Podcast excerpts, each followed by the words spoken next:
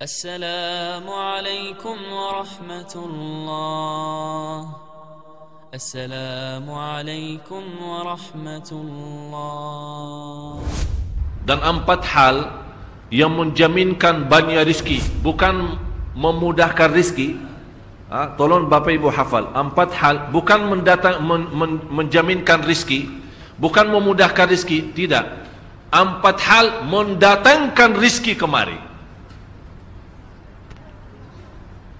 Dan empat hal bukan Allah kasih kemudahan berarti kita berjalan mencari rizki Allah kasih tidak. Bukan dikasih kemudahan. Tapi di mana saja kita ada posisi kita di mana saja Allah datangkan rizki kepada kita. Yang pertama qiyamul lail salat malam. Yang kedua berbanyak istighfar waktu sahur kalau anda tidak salat malam jangan tinggalkan istighfar waktu sahur waktu sahur kapan kira-kira 30 minit sebelum azan. Disitulah Allah sendiri memuji Allah bangga dan senang terhadap orang yang sahur. Sampai ulama berkata, tidak ada ibadah yang terbaik di waktu sahur selain istighfar. Jadi boleh baca Quran, boleh salat malam, boleh zikir, boleh apapun. Tapi yang terbaik istighfar. Fokus hanya istighfar. Astaghfirullah wa atubu ilaih. Termasuk istighfar Allahumma anta rabbi la ilaha illa ant. Yang bapa ibu tahu sayyidul istighfar. Yang yang terutama yang paling luar biasa Allahumma anta rabbi la ilaha illa anta khalaqtani wa ana 'abduka wa ana 'ala 'ahdika wa wa'dika mastata'tu a'udzu bika min syarri ma sana'tu abu'u laka bi ni'matika 'alayya wa abu'u bi dhanbi faghfir li fa innahu la yaghfiru adh-dhunuba Ya Allah, kalau kita fahami doa ini luar biasa. Oleh karena itu, kata Rasulullah, barang siapa yang membaca Sayyidul Istighfar, kemudian di malam hari, dengan keyakinan dia meninggal habis baca istighfar, masuk surga. Masuk surga. Berarti ini salah satu doa yang menjaminkan dengan mudah masuk surga. Jadi empat hal yang mendatangkan rizki Bukan kita mencarinya Dia yang datang kemari Apalagi saat mencari lebih mudah Qiyamul Lail Salat malam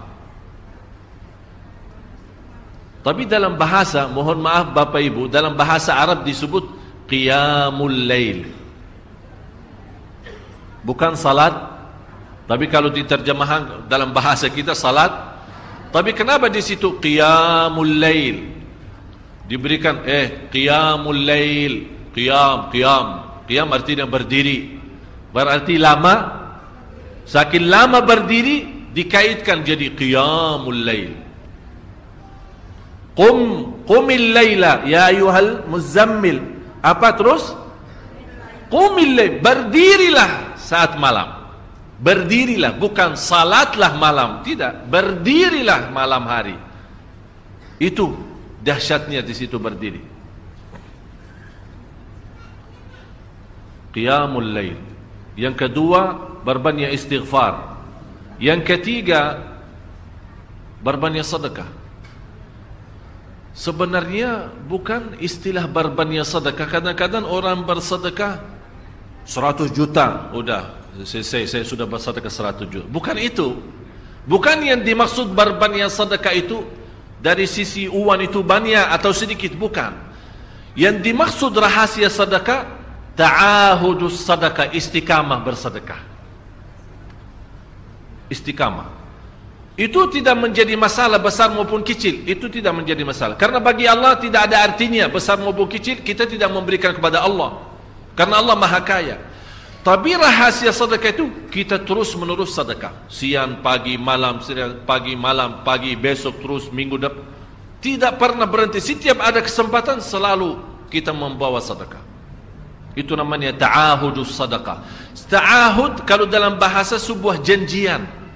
Seolah-olah kita ada kontrak kerjasama antara diri dan dan apa? Dan sedekah. Itu kata ta'ahud, ahad, berjanjian. Saya berjanji. Seolah-olah ada ada berjanjian antara kita dalam sedekah. Jadi tidak boleh terlepas dari berjanjian seolah-olah kita menghormati berjanjian. Bagaimana menghormati kita terus? Kerjasama. Kita beri Allah ganti berkah sedekah. Kita beri lagi Allah ganti masih terus. Kita beri masih Allah terus ganti. Itulah dahsyatnya sedekah. Jadi Bapak Ibu, jangan nunggu hari tertentu, bulan tertentu, malam tertentu kita bersedekah. Jangan. Setiap kita merasa ada berita baik, ada berita maupun ada berita buruk yang menyakiti perasaan kita di rumah tangga kita, anak kita, suami kita, istri kita, apapun, langsung segera sedekah. Disitulah rahasianya. Ikatkan seolah-olah kita sudah membuat berjanjian antara diri dan sedekah.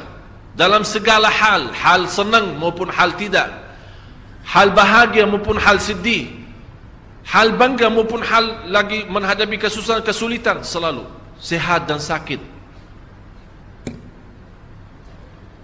terus yang keempat zikir berzikir pagi hari dan sore hari. Berzikir pagi hari dan sore hari. Ini empat hal Bapak Ibu. Berdiri malam hari itu yang namanya tahajud banjanya atau lamanya berdiri. Berbanyak istighfar waktu sahur. Yang ketiga berbanyak sedekah sudah Bapak Ibu mengerti jadi istilah berbanyak sedekah bukan artinya harus banyak dari jumlah hitungannya tidak. Yang keempat adalah berzikir di pagi hari maupun petang hari. Amman huwa qanitun ana al-laili sajidan wa qa'ima. Sajidan wa qa'imah. Jadi Bapak Ibu saat kita berdiri lama walaupun baca satu ayat diulangi berkali-kali walaupun baca surah pendek tapi diulangi berkali-kali tidak menjadi masalah.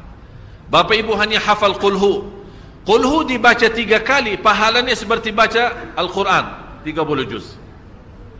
Ada seorang salih menajak kawannya sudah mendekati subuh. Ayo bangun, salat malam dan baca sepertiga Al-Quran. Langsung orang itu menjawab, eh bagaimana saya baca sebentar lagi muazan?